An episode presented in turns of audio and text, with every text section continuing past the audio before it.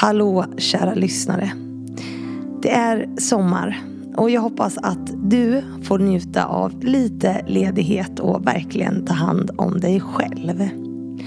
Den här sommaren släpps ju enormt många avsnitt eftersom jag gör en valspecial i podden. Och jag hoppas verkligen att du tar dig tiden att lyssna på de avsnitten som släpps successivt under framförallt juli men också lite i början på augusti. De avsnitten kommer att hjälpa er att fatta mer grundade val när ni går till valurnorna i september. Så ta dig verkligen tiden där i hängmattan eller solstolen. Och Eftersom det släpps så enormt många avsnitt den här sommaren så bestämde vi oss för att släppa några favoriter i repris till er.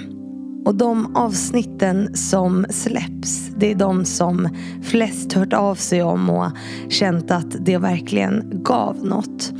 Så det skadar inte att lyssna på just de här avsnitten en gång till.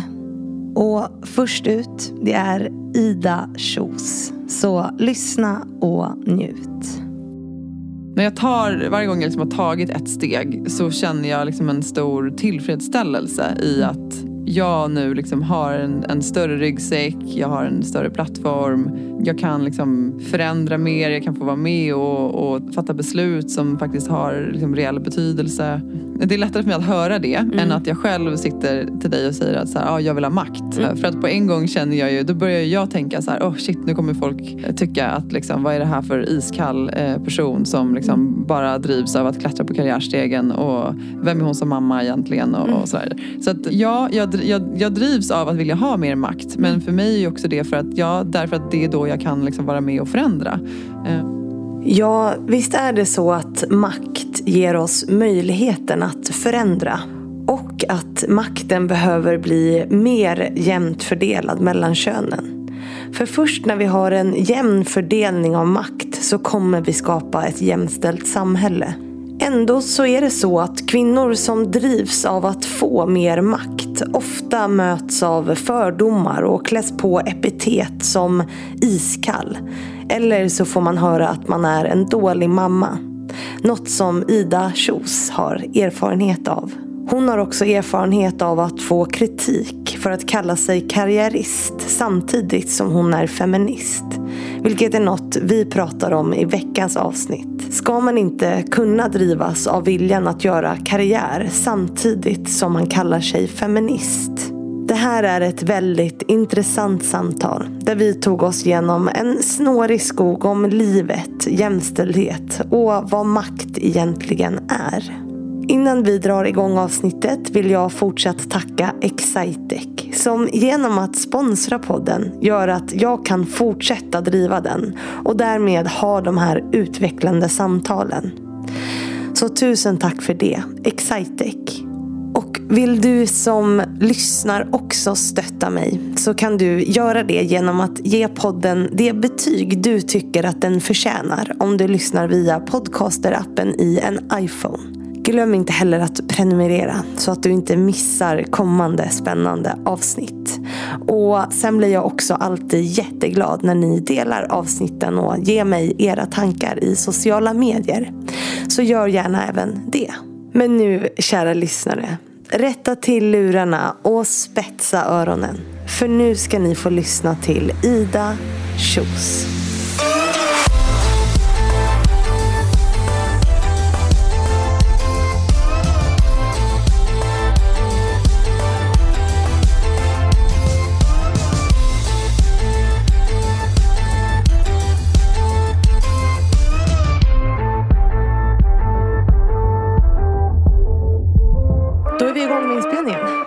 Säger varmt välkommen till Ida Kjos. Tack snälla Fanny. ja, ja. Du sa rätt. Jag sa rätt nu. Jag bara såg, det, såg så osäker ut när jag sa, sa, ditt, sa ditt namn. Jag har sagt Ida Kjoss.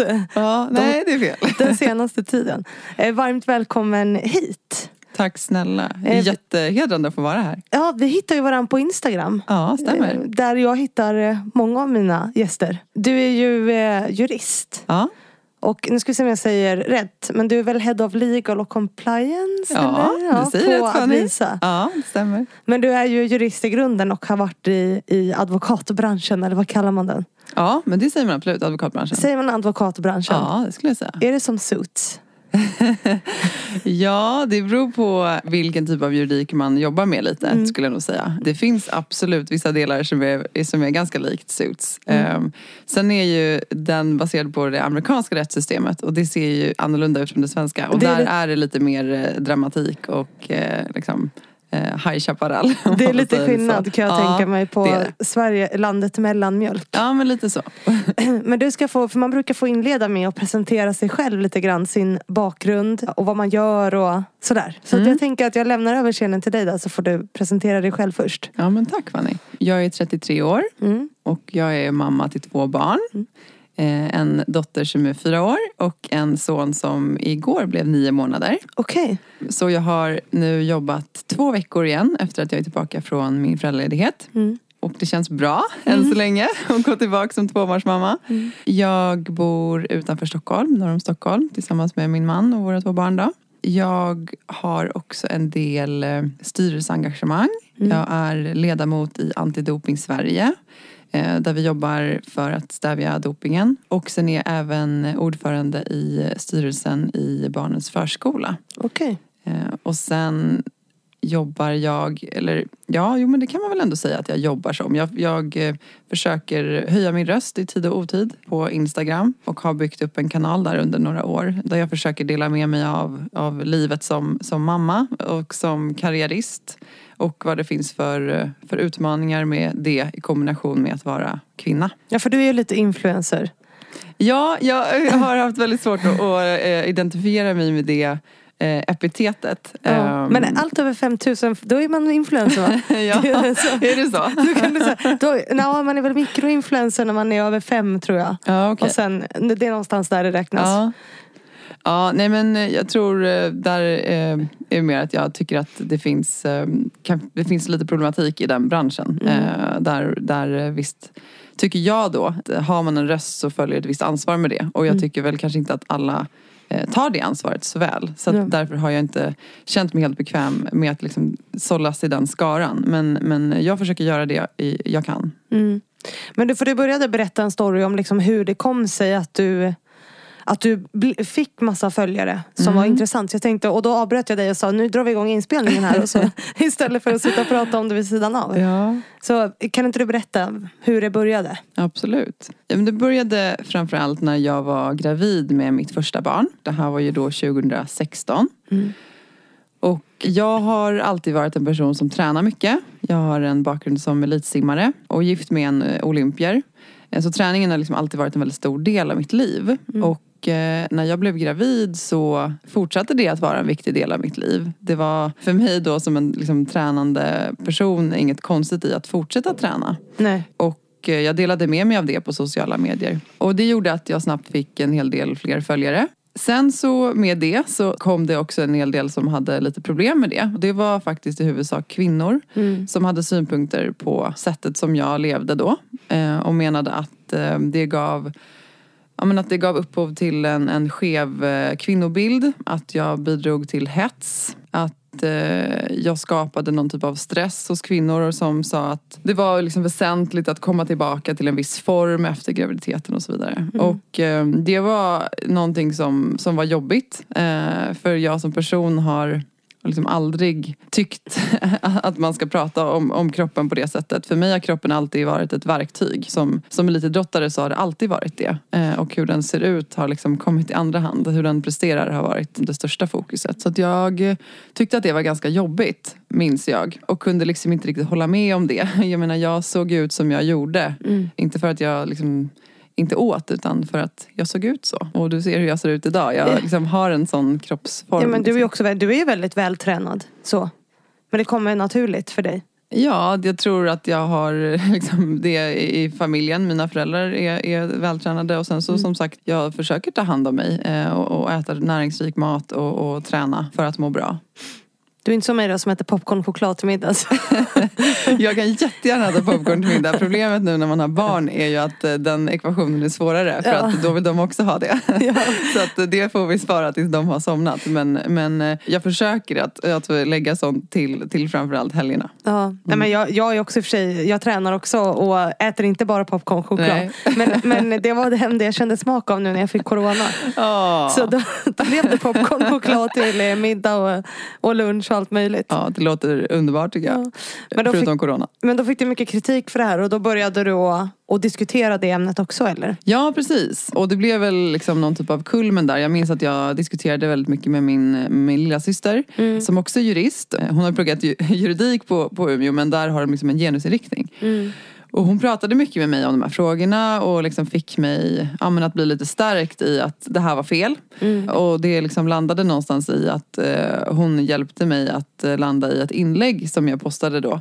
Eh, där jag lite eh, förklarade hur jag tänkte kring de här frågorna och varför jag tyckte mig ha rätten att också eh, vara feminist och att faktiskt liksom föra den debatten. Och det som sen gjorde att jag liksom fick skjuts i min följarskara det var faktiskt för att Jessica Almenäs tog upp eh, det här inlägget i sin podd. Och delade med sig av det. Och sen minns jag också att det blev någon harang i, i Aftonbladet och Expressen om att ja, det blev sån här typisk pajkastning fram och tillbaka mellan olika, eh, olika sidor. Och vad var det du skrev då? Alltså att du...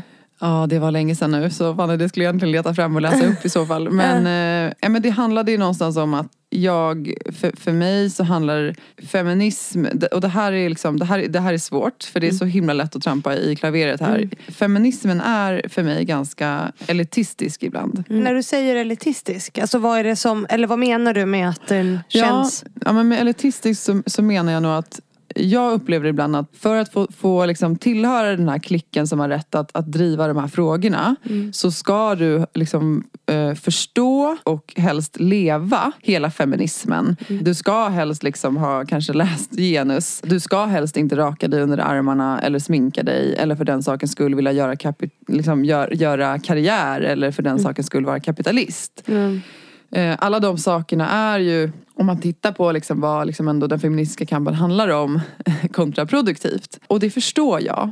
Men jag tror också många gånger att så här, vi försöker ju alla bara överleva och, och spelets regler ser ut på ett visst sätt. Och kanske ska vi inte kasta skit på dem som också försöker att ta sig igenom livet genom att eh, någonstans spela spelets regler. Och jag tror att vi måste kunna tillåta varandra att göra det och ändå få höja sin röst och säga att ja, men jag tycker att det är viktigt att kvinnor tjänar lika mycket som män till exempel. Även fast jag kanske vill sminka mig ibland.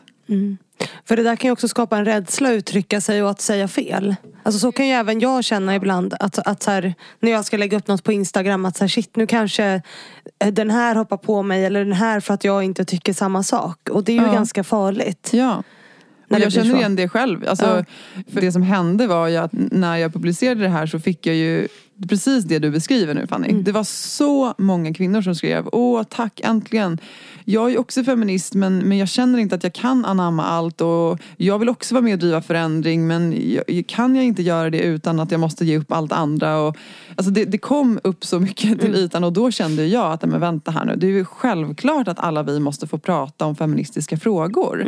Eh, och, och liksom berätta om hur våran samtid ser ut och, och höja våra röster. Det här samtalet hade jag ju med Alexandra Nilsson när hon, nu är det länge sedan hon var med i podden. Men hon fick ju också höra den saken. Att så här, fast du, man får liksom inte kalla sig feminist om man, liksom, som hon då har opererat brösten och gjort plastikkirurgi. Att det är liksom inte okej. Vad tänker du om, om det? Alltså det här, jag tycker det här är jättesvåra frågor. Eh, Ja, det för är jättesvåra frågor. För, för att, alltså jag förstår ju, jag, jag förstår att att vilja liksom modifiera sitt utseende eh, och kanske särskilt brösten kanske liksom i, i grunden, eller inte kanske utan det är ju så att så här, våra, våra bröst, jag som nu är mamma och jag ammar fortfarande, jag ammade mitt första barn i tre år, har, har ju liksom väldigt Brösten finns ju för, för en anledning. De är till för att vi ska nära våra barn. Eh, sen har ju vi i samhället sexualiserat kvinnans bröst på ett sätt som vi inte har gjort med mannens. Eh, och det har vi ju gjort för liksom, att behaga mannen. Och det ja, det är ju, det, det är ju patriarkatet. Liksom. Mm. Och, och, och jag förstår ju därför att göra en sån handling blir ju då såklart inte en feministisk handling. Men jag tycker fortfarande att liksom alla människor har rätten att bestämma över sin egen kropp. Alltså det för mig det är, liksom, det är en fundamental rättighet. Mm. Vad det än handlar om.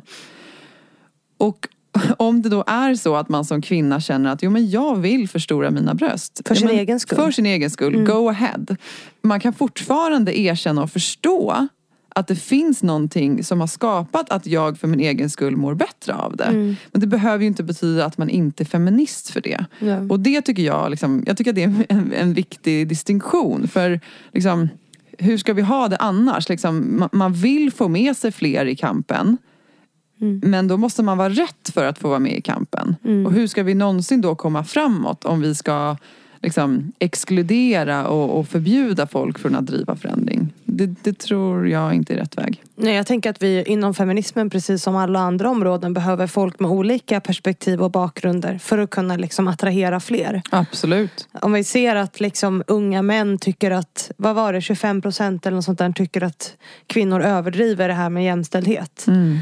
Alltså om de ska kunna eh, prata om frågorna och liksom engagera sig, vilket vi behöver, så måste man ju kunna på något sätt, man, man vill ju prata med folk som är som en själv. Tyvärr är det ju så, så man måste ju få sitt eget perspektiv på frågan, tänker jag.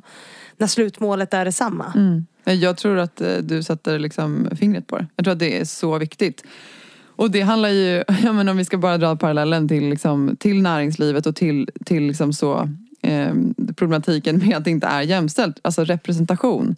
Representation vet vi alla liksom, segment är viktig för att man ska känna ett ägandeskap eller känna, liksom att, att, ja, men känna ett ägandeskap kring frågor eller att, att man ehm, kan någonstans identifiera sig och relatera till det.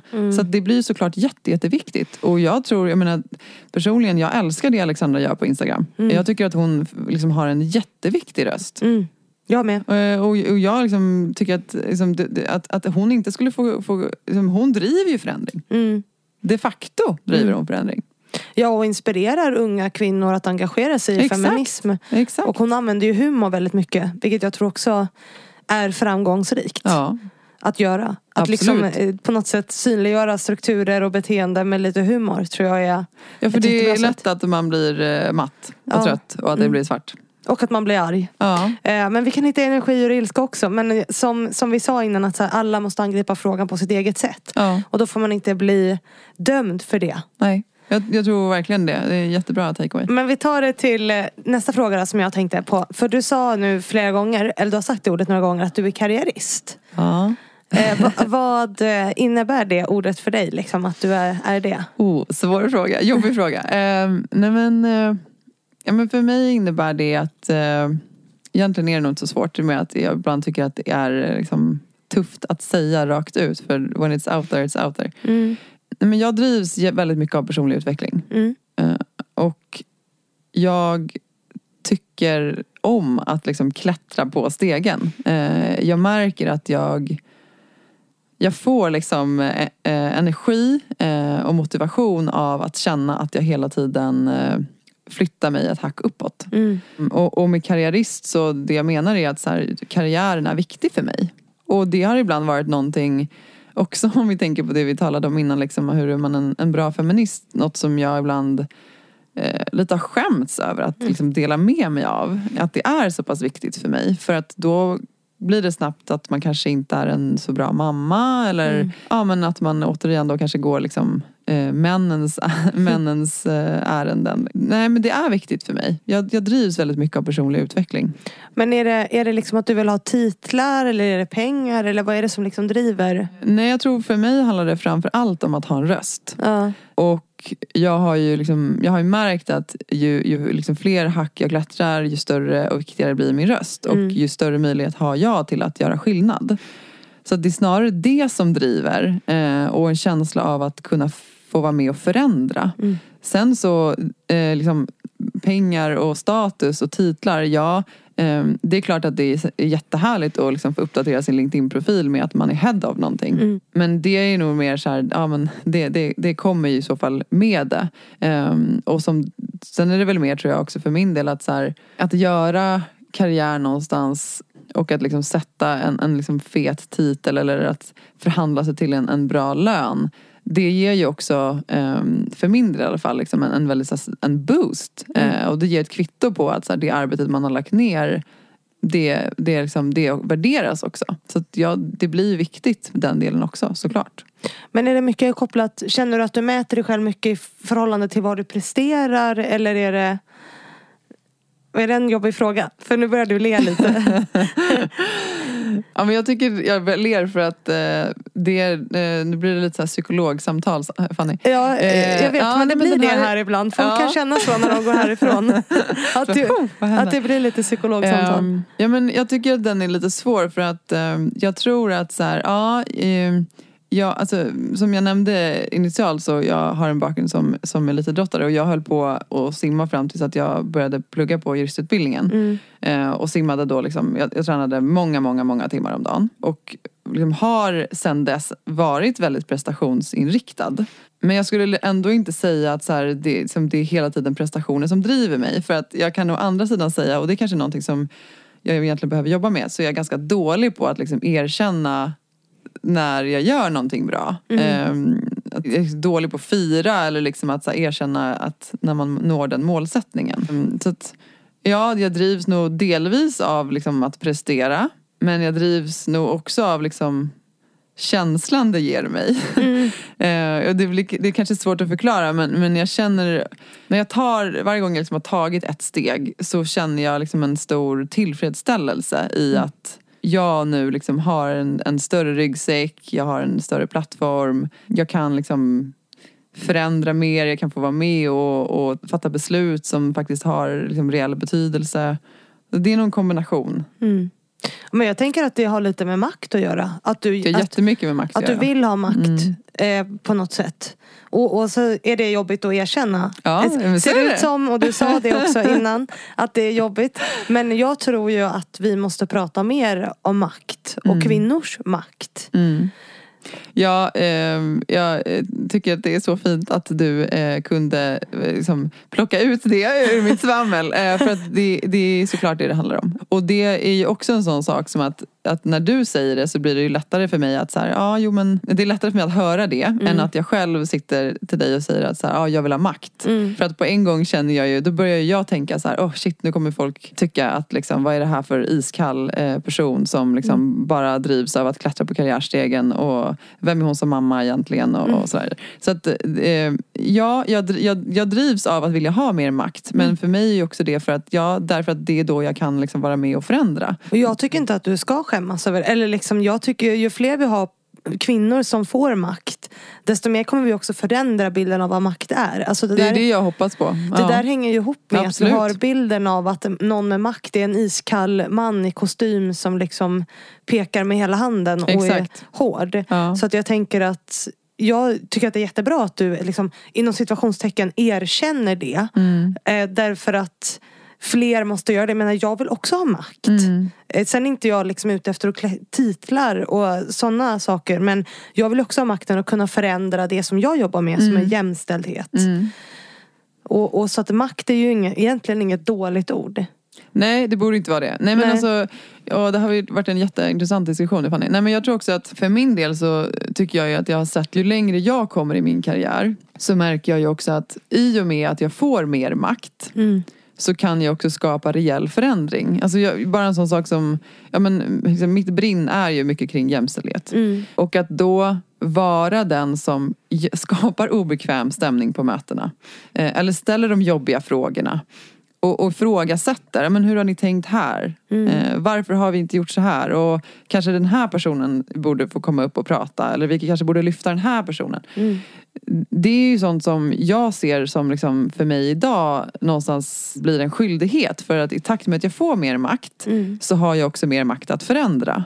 Och där kan jag ju ibland känna att de som i, i min karriär som har varit de som har varit liksom högst upp mm. på, på vägen för mig kanske inte har tagit eller förvaltat den makten i att driva förändring när det kommer till just jämställdhet. Mm. Och då känner ju jag att i takt med att jag får den så, så ska det ligga på mina axlar att faktiskt driva den förändringen. Jag tycker det är jättebra. Och det är ju med mer kvinnor i maktpositioner som vi kommer att åstadkomma en förändring. Mm. Så att eh, jag tycker vi ska prata mer om det. Mm. Och jag tycker, men jag har också upplevt att många tycker att det är jobbigt att prata om det. Mm. Att man vill ha makt. Det är ju jobbigt. Ja fast det ska inte vara, alltså, det borde, alltså jag fattar att det är det. Men, men, och det, jag har också tyckt att det har varit det. Men det ska inte vara jobbigt. Nej men vi kan ju hoppas att eh, vi tar ett samtal igen då om fem år. Ja. Eh, och sen så tycker vi inte att det är lika jobbigt längre. Då är du statsminister. Nej jag skojar. Nej, jag skojar, tror jag inte. Nej, förhoppningsvis har vi en kvinnlig statsminister då. Ja, det kan vi hoppas. Vi kan hoppas det. Mm. Ja, inte om fem år kanske. Nej. Då skulle, ja, nej det blir nog svårt. Men du har sagt eh, en sak och som jag också vet att du har pratat mycket om. Mm. Det här med att liksom vara mamma och göra karriär. För jag vet att du har skrivit mycket om det. Du, pra- och det, du har sagt det kanske tre gånger nu under vårt samtal. Att liksom när man pratar om att man är kvinna och vill ha makt. Också får höra att man är en dålig mamma till exempel. Vad, vad är dina upplevelser av det? För jag, du har ju flera, både inom karriären och på Instagram, eller hur? Ja, eh, men om vi tar på liksom ett professionellt plan då, så jag började ju som, med, med, ska man göra karriär som, som jurist så är det oftast att man ska sätta sig på en advokatbyrå, man ska bli advokat och sen ska man helst bli delägare. Då, är liksom, då har du gjort karriär. Det är lite suits. Ja, det är Ja. lite suits. Ja. Och jag var väldigt ung när jag började plugga. Jag började plugga på juristutbildningen direkt efter gymnasiet. Mm. Och tog examen när jag var 23. Med egentligen ganska mediokra betyg. Mm. Och det tycker jag är viktigt att liksom framhäva. För att jag tror ibland att folk tänker att jag var någon typ av underbarn. Det var jag absolut inte. Nej, okej. Ehm, så jag började jobba på byrå direkt. För att det var ju det man skulle göra. Och kom sen på då att ja, men jag är ganska ung. Jag kan nog ta min examen ganska tidigt. Advokatexamen då. Så att jag körde på där för att då eh, bli en av Sveriges yngsta advokater. För då blev det liksom en sån här nästa anhalt som jag tyckte var Ja, du blev en av häftig. Sveriges yngsta. Ja. ja. Mm. Coolt. Ja, det var coolt tyckte jag ju liksom i en månad. Och sen förstod jag att det var, var poängen med det egentligen. Ja. Men sen jobbade jag som advokat i några år. Och så blev jag och min nuvarande man gravida. Mm. Och då minns jag att jag fick som eh, en kommentar från en chef att eh, kan man vara advokat och ha ett litet barn? Mm. Och, och då minns jag lite hur liksom luften gick ur. För jag kände ju att eh, det, liksom min, min karriärväg eller min bana var ju i mitt huvud ganska utstakad. Jag ville bli delägare. Mm. Men där och då så fick jag liksom lite omvärdera, kände jag, hur, hur jag ville att min framtid skulle se ut. Också kopplat såklart till att, att arbeta på advokatbyrå är liksom inget 9 till 5 arbete. Nej. Utan eh, det, det är väldigt mycket timmar. Och det kan funka en viss tid i livet. Kanske särskilt när man inte har barn. Men, men eh, jag såg liksom inte riktigt hur jag skulle få den ekvationen att gå ihop. Och särskilt inte då om, om arbetsgivarna inte Tyckte att det var- tyckte att, att det skulle att det gå var en ekvation som skulle gå att Mm. lösa. Så att eh, eh, liksom, där kunde jag ju känna att liksom, vår, vår bransch eh, kanske hade en bit kvar.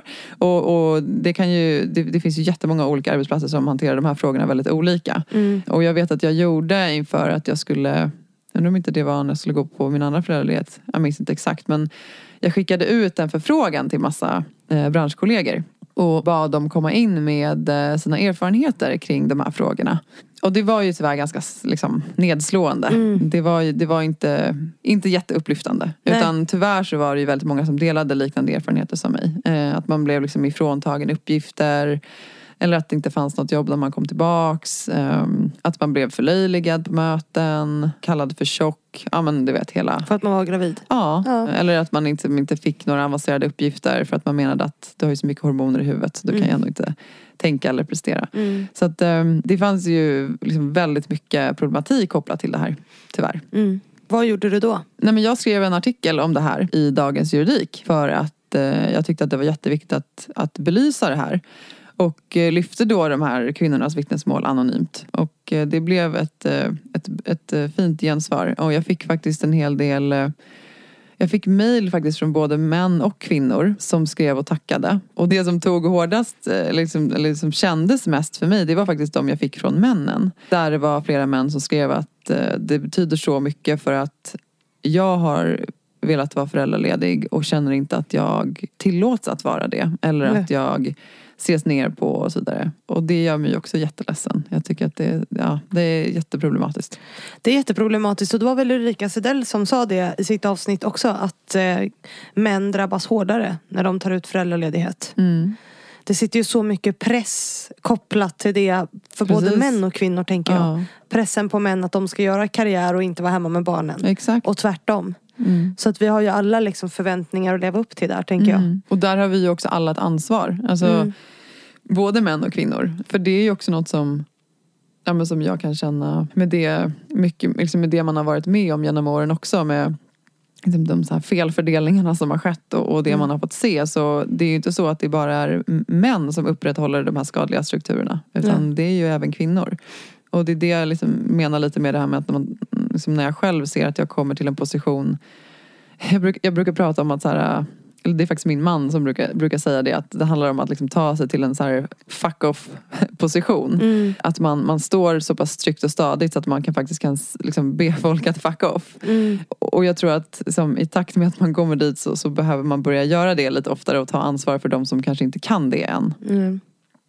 Nej det är superviktigt. Och du sa ju nu också att du har börjat jobba nio månader efter att din andra föddes. Mm. Gjorde du samma med första? Ja, det gjorde Ja. jag faktiskt. Och så Mm. är din man hemma då nu? Ja, min man är Ja. hemma nu.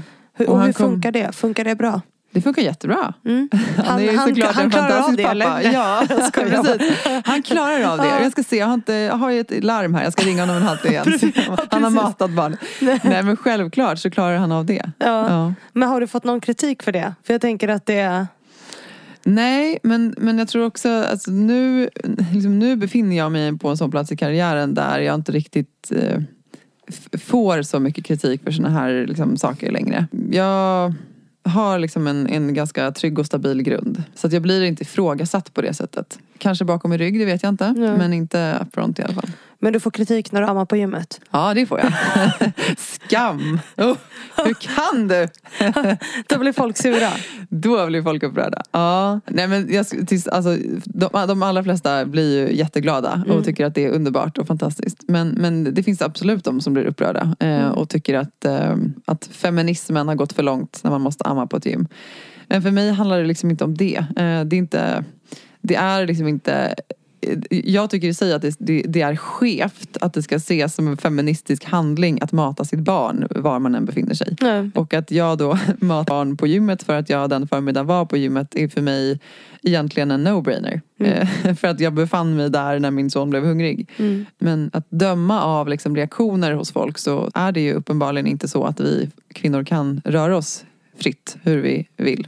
Men vad tycker om då att det är äckligt att du, att du kastar upp tutten på gymmet? Eller liksom, vad?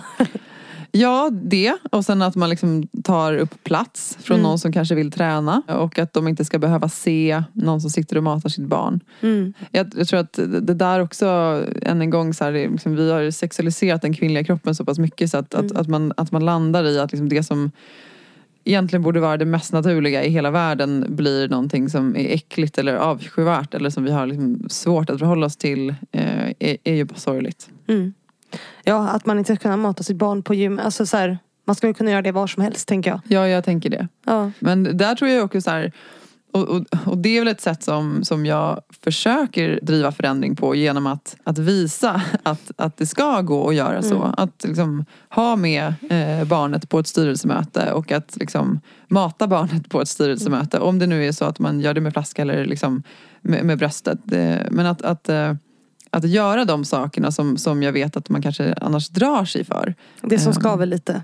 Ja, det som skaver lite. Mm. För att eh, jag tror att liksom, ju, ju fler som ser att jag vågar, ju fler eh, kommer i sig att våga. Mm. Och det är någonstans här för mig den största belöningen när jag får kvinnor som skriver till mig att jag hade en kvinna som ja, men hon skrev att hon hade inte vågat liksom gå utanför huset på de, de första tre månaderna för att det var så jobbigt med amningen och hon ville inte att någon skulle se och hon kände att hennes hennes man tyckte att det var jobbigt när andra tittade och så vidare. Mm. Och så skrev hon till mig att ja, men nu har jag faktiskt tagit mig ut. Jag gick ut och fikade och det var, sån, det var liksom sån extremt underbar känsla och jag kände mig så fri. Mm. Och tack snälla för att du fick mig att våga. Och liksom att en, kan jag göra så att en kvinna känner sig lite mer fri? Mm. Men herregud, jag slänger upp tutten på Instagram.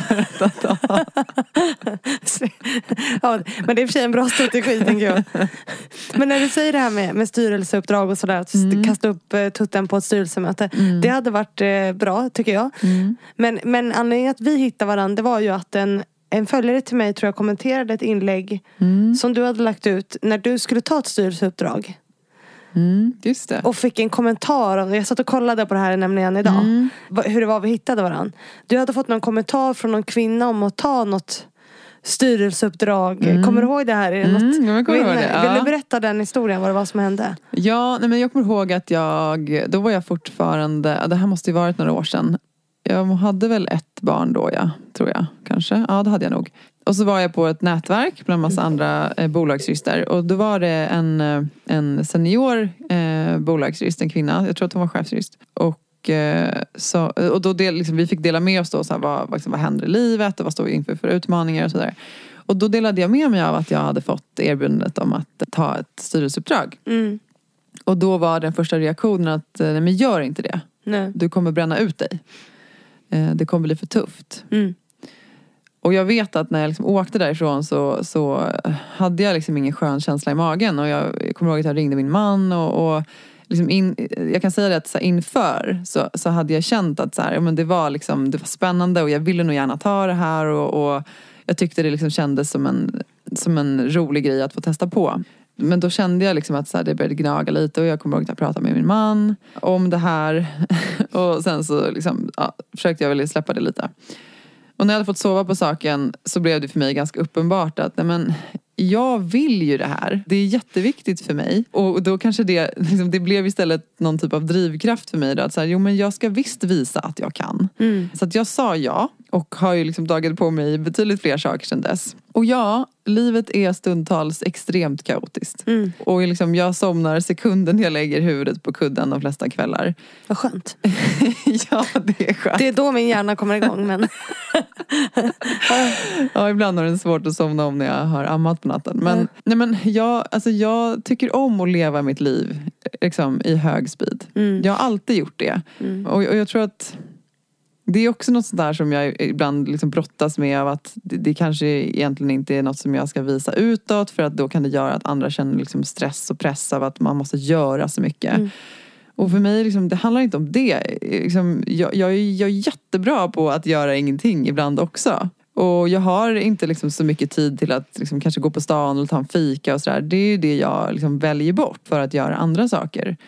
Men jag upplever samtidigt inte att mitt liv liksom är en enda stor stress. Eh, absolut inte. Mm. Utan jag tror, och det tror jag de som liksom känner mig kan intyga, att jag är nog en ganska så här, en lugn person egentligen. Att jag är fokuserad när jag väl gör någonting. Och så gör jag det och sen så tar jag nästa grej. Liksom. Mm. Men du avslutar det där inlägget med att skriva att att liksom lyckas eller något så här på männens spelplan eller något sånt där skriver du kan vara både frustrerande och energiuttömmande eller något sånt Ja. där eh, skrev du.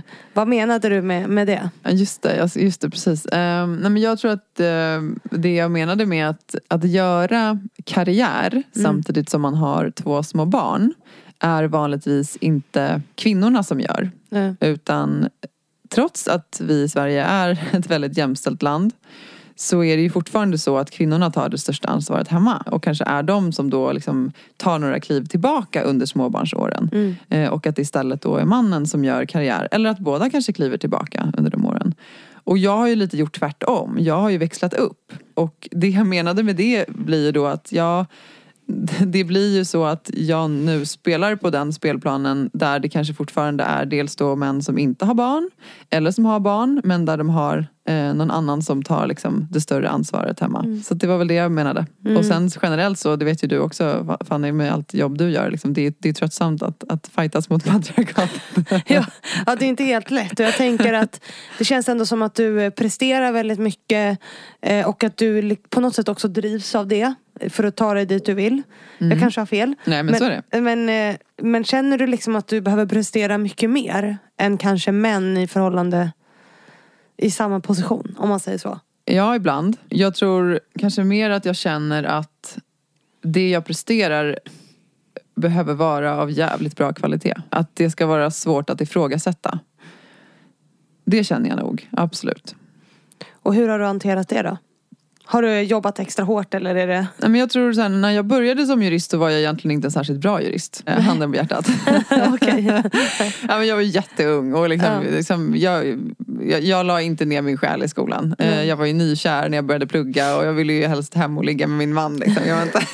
Som fortfarande är din man va? Som fortfarande är min man, Ja. precis. Vi har varit eh, tillsammans jättemånga år. Jag träffade honom när jag var 18. Mm. Nej men så jag tror att eh, Ja, jag har eh, sen dess jobbat eh, jättehårt eh, många år. Men, men då liksom framförallt kanske på att bli duktig på det jag gör. För att Mm. inte känna att jag ska kunna avfärdas som att jag inte är bra på det jag gör. Nej. Nu, liksom, nu, nu, nu vet jag att jag är duktig på det jag gör och det i sig föder ju med sig en, en annan typ av trygghet såklart. Tror inte att det var svar på din fråga. Nej, nej, fast det, jag tycker det var ett svar. Men hur kommer det sig det var att- ett svar. Det var ett svar. Det var ett svar i alla fall. Nej, det finns inga dåliga svar.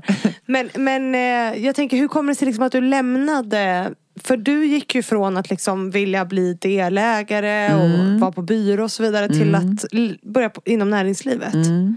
Hur kom, varför gjorde du det valet? Eller hur kommer det sig? Ja, men jag, det, var, det var faktiskt mycket liksom, kopplat till att jag blev mamma. Ja. För att byrålivet är, för de som inte vet det, advokatbyråer är liksom ehm, de, de är som konsultbyråer. Så Mm. det, det som händer egentligen med Safan är att du skulle behöva hjälp med liksom, eh, ja, men du ska signa en jättestor sponsor Mm. eh, som vill vara med och liksom, sponsra dig. Och eh, då vill du ha hjälp med det avtalet. Eh, och då kanske den här sponsorn säger så ah, men du har, du har två dagar på dig. Mm. Eh, annars signar vi med någon annan. Ja men då blir det ganska bråttom för dig att få den här hjälpen. Mm. Och det är ju där liksom advokatbyråerna kommer in då. Och därför så oftast är det kort varsel. Eller det är stora transaktioner som ska igenom. Och då har man ett visst fönster. Mm. Så det gör att jobbet är ganska oförutsägbart. ja, precis. Det är, det är liksom ett ganska kul jobb tycker jag på det sättet. Att så här, det är liksom mycket saker som är olika och det är högt och lågt och så vidare. Men, men det är också väldigt svårt att planera ett liv utifrån det. Mm. Så det gör att det är svårt med familj. Mm. Och då var, då var näringslivet bättre för dig liksom? Ja det var det. För där är ju fortfarande, även om man jobbar hårt så är det ju fortfarande mer liksom vanliga kontorstider. Mm. Folk går ju ändå hem Mm. eh, i vanliga tider. Och, och på advokatbyrå så kunde man ju sitta liksom till långt in på små Man blir liksom aldrig klar. Nej, så är det lite. Vissa gillar ju det livet. Men Ja men jag är på ett sätt ändå glad att ha, ha, ha det gjort. Ja. För det är en fantastisk skola. Och också någonstans veta vad man klarar av. Jag har ju en enorm kapacitet och jag tror också det som gör att jag liksom kan ta på mig fler saker för att jag vet att jag behärskar mycket. Eh, och, och det tror jag också många gånger kanske bottnar i att jag liksom gjorde en del hundår. Mm. Men det finns ju en sak nu som vi måste också prata om. Mm. När vi sitter här. Så nu vet du nog vad det är. Jag tror det. Men du var ju den som drev ert metoo-upprop. Eller hur? Mm. Med vilken rätt? Eller startade det? Ja, tillsammans med min lilla syster eh, Emma. Emma, Ja. precis. Eh, för Emma är också jurist. Mm. Och eh, hon jobbade också på byrå. Och eh, under de här åren då när vi båda jobbade på byrå så, så hade vi liksom ibland men, du vet ju, systerliga samtal Mm. där man eh, liksom får, får Men inte ha några filter. ja, men, liksom. exakt, Ja. prata filterfritt. Ja. Ehm, och eh, Emma var liksom mycket, tyckte jag, eller har jag sett i efterhand, hon, hon var liksom mycket duktigare på att identifiera problemat- problematiken. Mm. Hon såg tydligt när, liksom det, var, när det handlade om liksom fel för, sexuella trakasserier eller sexism eller beteenden som, som egentligen inte ska vara okej. Ja. Eh, och brukade liksom lufta sånt med mig ibland i tid och otid.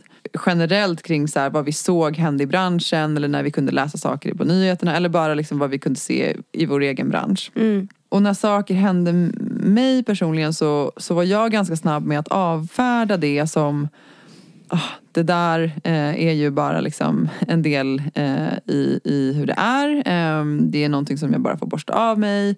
Och eh, jag är starkare eh, än det. Jag kan absolut hantera det. Men i, i takt med att eh, jag jobbade fler och fler år och hade fler och fler erfarenheter av, av sånt här beteende. Vad kunde det vara för typ av beteende och vad är för erfarenheter du har? Flikar jag in. Alltså det är ju väldigt vitt och brett. Men jag kan ta liksom ett exempel. Jag minns jag var då var jag fortfarande, kan jag ha jobbat i kanske två år. Så Mm. att jag var liksom 24 år. Och eh, fick åka på en konferens i Texas. Mm. Och eh, hela konferensens syfte var egentligen att man skulle liksom knyta kontakter med eh, utländska ombud. För att liksom eventuellt kunna arbeta gränsöverskridande och ta del av varandras klienter och sådär. Och jag var så ex extremt hedrad över att jag skulle få gå på den här konferensen. Mm. Och hade fått information om att jag skulle träffa särskilt en advokat som var oerhört framstående inom sitt gebit. Och jag hade googlat på honom då, bara liksom förmiddagen innan. Eh, för att liksom, ja, men göra min egen due diligence och se till att jag hade relevanta topics att prata om. Och kanske för liksom föra in det på något case som han hade varit med i och sådär.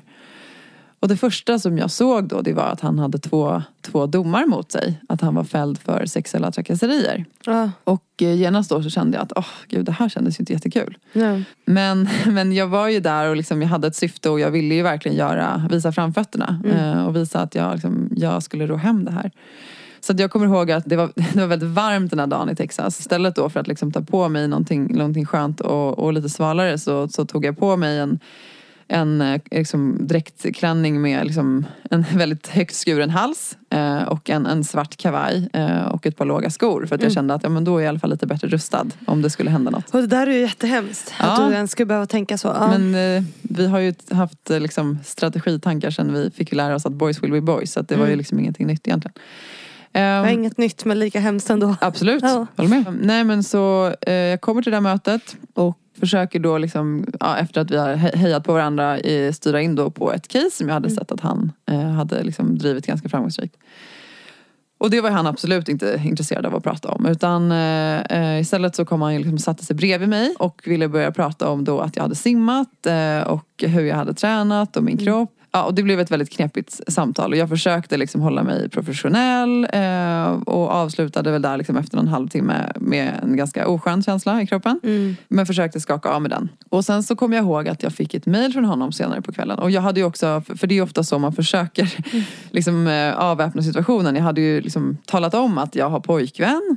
så att eh, liksom, tro ingenting. Nej men då fick jag ett mail senare på kvällen och då hade ju han eh, uppenbarligen googlat även mig och sett vem min, vem min pojkvän var då. Ja. Och eh, skrev att han tyckte att jag skulle göra slut med, med den här simmaren. Mhm. Och eh, att han väldigt gärna ville bjuda ner mig till eh, Chamonix på en skidresa.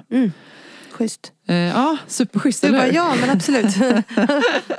Ja, jag svarade det på en gång. Ja, när bokar vi? mm, Nej, och, och liksom där, redan liksom, när, när det där började då, då kände jag ju så här, men då hamnar jag i en superknepig sits. Eh, för jag visste att så här, den här personen var ju superviktig för, för, för byrån. Och eh, någonstans så eh, ville jag inte liksom skapa dålig stämning. Så jag, utan att svara på eh, resan om Chamonix, eh, tackade ju såklart för ett trevligt möte och önskade honom allt gott.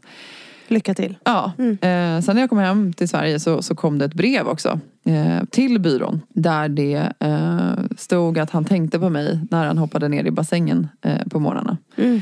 Och det såg ju liksom, liksom de som jobbade på byrån också. Och, och delägarna och mina chefer. Och det var ju aldrig någon som gjorde någonting åt det. Utan det som var, liksom blev konsekvensen var att jag fick vänligt svara på brevet bara. Tacka. Och, och, Och liksom- då säga tack för att du tänker på mig när du hoppar ner i bassängen? Ungefär. Ja, mm.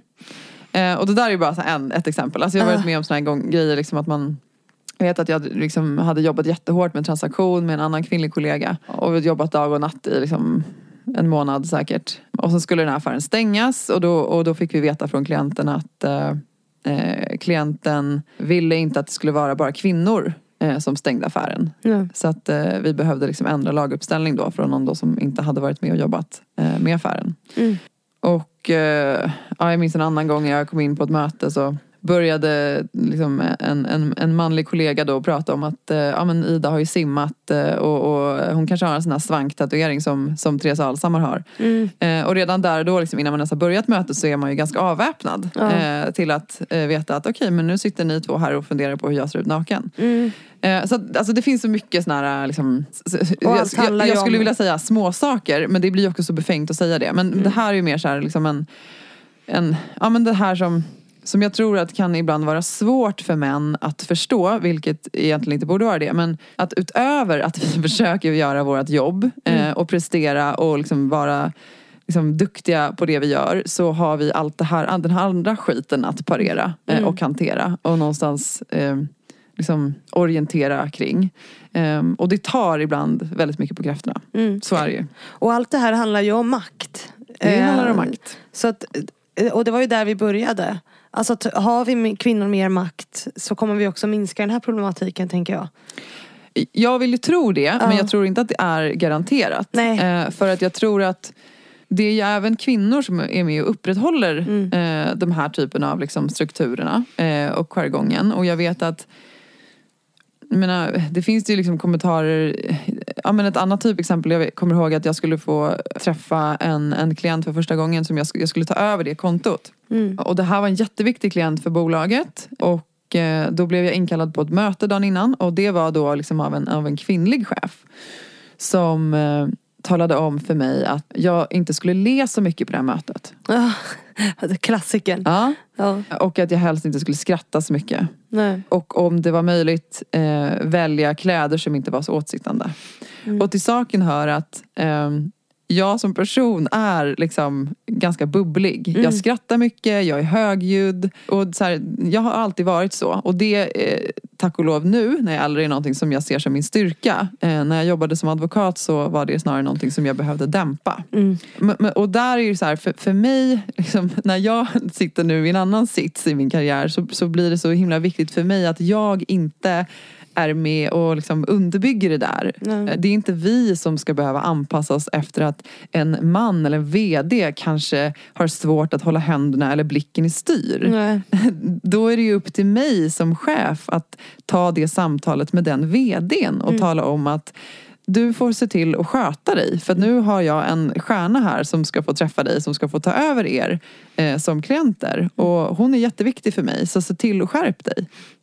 Mm. Men Det är ju- för att vi förhåller oss till den som har makt. Precis. Eh, och jag tänker om vi får fler kvinnor i maktpositioner som, är som, som liksom inte eh, anpassar sig efter normen eller tycker Ja, att det är exakt. okej. exakt. Då, Då- kommer vi se en reell förändring. Det håller jag helt med dig om. Men jag tror att det har ju varit kvinnors sätt att liksom yxa sig fram i alla tider. Att man liksom anpassar sig och väljer den Och det är strategin. precis så. Och det, tror Ja. jag, det är därför som och jag, jag, jag brukar prata om det med, liksom, med, med liksom tjejkompisar ibland. Att om det är så att så här, man har blivit särskilt liksom, felfördelad av kvinnliga chefer så brukar jag ibland tänka att men jag har sån empati och ödmjukhet inför de kvinnorna Mm. ändå. För att jag förstår att det har inte varit lätt för dem. Nej gud nej. För att de har ju behövt spela på liksom männens planhalva hela tiden och de har alltid behövt anpassa sig. Mm. Och det är lite liksom det som är som hela så här med metoo också, alla de här branschuppropen.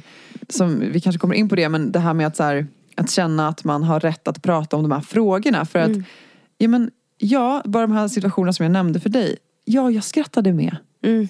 Jag skapade ingen dålig stämning. Nej. För att jag tyckte att det var jätteläskigt om jag skulle i det sammanhanget, vad skulle hända? Vad skulle delägarna säga till mig? Men Eller- det där är också en kunskapsfråga. Alltså att för att man Yes. inte vet vad sexuella trakasserier är. Alltså jag hade ju Amanda från Allbright här, Amanda Lundeteg. Mm. Och hon sa det att om de ställer frågan på en, hos en arbetsgivare så här, har du blivit utsatt för sexuella trakasserier? Så kanske en stor andel säger så här, nej Mm. i första undersökningen. Och sen utbildar man. Precis. Och berättar så här, men det här är sexuella trakasserier. Då är, ju, då är det ju Då ett många fler antal. som har blivit utsatta. Exakt. Så att det har ju metoo hjälpt till med. Att man Enormt. liksom, ja, Verkligen. har förståelsen för, för det. Men du, men du startade med, med vilken rätt som... Förlåt. För nu, det är ingen fara, det. det var Ja. jag som tog oss upp på ett sidospår. Ehm, som jag oftast gör i, i den här podden. Vi, vi hjälper lite så snor, snåriga är skogar och Ja. jag försöker låtsas fram. Eh, och vi har ju väldigt ont om tid kvar. Mm. Men, men du startade med vilken rätt i alla fall tillsammans med din syster Emma. Ja, precis. Det stämmer. Och det gjorde vi då för att vi liksom kände att det fanns mycket som vi tyckte inte var särskilt bra i vår bransch. Och, och det som var liksom startskottet, och det är så viktigt att, att poängtera på tal om att lyfta andra. Det var ju att Emma hade läst upp, eh, Tystnad tagning, Ja. som var skådisarnas upprop. Precis. Och det var det som någonstans gjorde att vi kände att ja, men, eh, vi borde kunna göra någonting likadant. Eh, för att vi kände igen oss så himla mycket i det som de beskrev. Och då provade vi att göra det. Och jag skulle säga att det är liksom fortfarande en av de häftigaste, sorgsnaste och starkaste upplevelserna jag någonsin har haft i hela mitt liv. Vi hade också hjälp av två andra kvinnor, eh, Maria Näv och Caroline Snellman. Som fantastiska kvinnor, jättekompetenta. Och på fredagen så startade min syster Emma då en, en Facebook eh, meddelandetråd där hon eh, egentligen skrev då till fyra kvinnliga juristkollegor och sa, hörni, tror ni att vi kan att vi kan göra någonting, att vi kan få till någonting i vår bransch. Mm. Och jag minns att vi pratade om att vi hade någonstans en förhoppning om att ja, men vi kanske kan bli liksom 50 stycken Mm. i alla fall. Det blev ju ganska många fler än så. Ja, det var kan vi flera konstatera. tusen. Ja, det var... Den officiella siffran är ju så här 5400 någonting. Mm. Men faktum är att eh, Svenska Dagbladets sajt för att signera kraschade. Ja. Eh, så vi har ju förstått att det var, liksom, det var väldigt, väldigt många fler. Så det var minst 6000. Mm. Och det var liksom Ja, men det var så häftigt att få, få vara med om det. Och ja, vi, vi startade det men, men det var ju liksom, det var massan av kvinnor och deras vittnesmål som, som gjorde uppropet. Ja, det är klart. Vi, fick, vi, vi öppnade upp en anonym e-mailadress dit man kunde då få skicka sina vittnesmål. Och eh, under 24 timmar hade vi den öppen. Vi kunde inte ha den öppen längre. För Nej. att det kom in så mycket och vi kunde inte hantera mer. Och det kom in över 100 sidor vittnesmål. Ja, det är helt sjukt. Ja, jag blir så här, jag bara ryser på en gång när jag pratar om det. För att det var att sitta och gå igenom det och, och se, liksom att läsa vad liksom alla våra branschkollegor hade varit med om. Mm. Och, och många av dem åh, jag tycker det är så himla jobbigt att prata om det här. Ja. Må, många av dem eh, hade liksom aldrig ens berättat om det här för någon. Nej. Alltså för första gången de vågade berätta. Och det kom liksom allt ifrån domare till studenter och till kvinnor som eh, hade liksom eh, burit på sina trauman i liksom 20 år. Mm. Och att vi då liksom fick förtroendet att förvalta det och sen se till att det publicerades i Svenska Dagbladet. Ja, det var jättestort. Mm. Eh, och det som... Och jag, jag sa det till dig att, så här, men det, det, att, att det var en, en, en, en fantastisk upplevelse. Det var också för att trots allt det här mörkret och den här svärtan och liksom smärtan så var det så jävla mycket hopp. Och det var en sån kraft. Det var alltså att, att vi startade ju en Facebookgrupp då som från eh, fredagen när, när vi startade igång tills när vi publicerade uppropet på tisdagen, Mm. alltså fem dagar. Vi var 13 000 på tisdagen. Ja. Och engagemanget i den här gruppen, alltså det var, det var helt vansinnigt. Mm. Folk liksom satt och bara så här, ah, äntligen händer det här och jag kan inte förstå, äntligen vi gör det här och det är revolution. Mm. Alltså det var sån, det var sån liksom revolutionär anda. Det är någon frihetskänsla på något sätt. Det var en säkert. enorm frihetskänsla. Och det var ett sånt uppdämt behov av att få, äntligen få berätta. Och äntligen, äntligen ska någon lyssna på oss. Mm. Ja, det, är väl, det, går, det är så svårt att återberätta men jag Mm. liksom jag och syrran brukar ofta prata om det när vi liksom tänker tillbaka på det här så känns det ibland som att liksom vi höll på med det ett halvår och det var faktiskt bara de här få dagarna. Ja. Ja, det, men ja. Det, det, jag kan tänka mig att det har den effekten. Att det känns som Ja, ett år. Men för att det är så mycket intryck att ta in på en gång på något sätt. ja, ja verkligen. Eh, Och jag har eh, en fråga från min sponsor Excitec till Mm. dig. Eh, kopplat till just det här med, med uppropet. Mm. Och det är liksom vilka lärdomar du har dragit av att driva det här uppropet. Är det någon sån Oh, här, vilken bra fråga. är det, Jag tror att jag har fler insikter men, men den som liksom den, den största insikten är nog ändå vilken enorm, förlåt mig svenskan, jävla kraft vi kvinnor besitter. man får Eh, svära här. Ja, tack. Mm. Nej men alltså att förmågan som vi har att organisera oss, att strukturera, att tillsammans med en enad röst prata är liksom beyond me. Alltså det, det är så, så stort. Eh, Och det är nog liksom min största insikt av att vi... För att jag tror också så här, vi har inte... Det, det är så ofta vi får höra om hur kvinnor inte kan samarbeta och att vi liksom eh, bara snackar skit om varandra och att vi kanske inte liksom har förmågan att på samma sätt som män tänka strategiskt. Och jag tror att så det här för mig är ett sånt fett motbevisande på det. Mm. Hur liksom strukturerat och eh, enastående det här samarbetet var mellan liksom de här, alla de här kvinnorna. Mm. Eh, Det är liksom en stor insikt. Det tycker jag vi ser hända nu igen. Eh, kopplat till mäns våld mot kvinnor och det här som hände med Soran och, och Lamberts. Håller Eh, med. De sakerna har ju liksom hänt nu på en ja, kort tid. Precis. Jag tycker vi ser den typen av liksom revolution igen. Ja, jag håller med. Eh, Och att folk strålar samman. Ja, och jag tror att det är också därför som det är så viktigt att när vi pratar om det här, att också lägga fokus på den aspekten. Mm. Att vi inte hela tiden pratar om att så här, ja, men om uthängningar eller vad som eventuellt blev problematiskt. Nej. Ja, det finns delar som blev problematiskt. Men om vi ska vara ärliga så handlar det främst om att medierna inte tog sitt ansvar. Ja, att de namngav personer. Liksom, metoo i sig, det var ju en revolution, en folkrörelse. Och det handlade om att kvinnor äntligen fick liksom, kraften och makten att få ta, liksom, att berätta sina historier och att för en stund bli lyssnad på. Och jag tycker att det är liksom så otroligt viktigt att vi kommer ihåg det och att vi pratar om rörelsen utifrån det perspektivet. För att annars så förringar vi och förminskar vi alla de här modiga kvinnorna som var beredda att offra så mycket för att ställa sig upp och säga det här har jag varit med om. Ja. Och vi måste avsluta inspelningen här nu för nu har vi spelat in eh, länge. Ja. Så säger jag i slutet på alla avsnitt. Mina lyssnare bara ja ja. Eh, men men eh, är det något du känner nu så att vi har missat som du väldigt gärna vill ta upp innan vi säger tack och hej? Nej jag tror inte det Hanna. Jag tror vi har pratat, eh, jag jag vet inte ens vad vi har pratat om. Nej, jag brukar inte heller komma ihåg det när vi stänger av. Så vi säger eh, tusen tack för att du har varit här. Ja men tack snälla Fanny. Det har varit jättefint att prata med dig. Och tusen tack till alla er som lyssnat på veckans avsnitt. Jag hoppas att ni får en fortsatt bra vecka och så hörs vi på onsdag igen.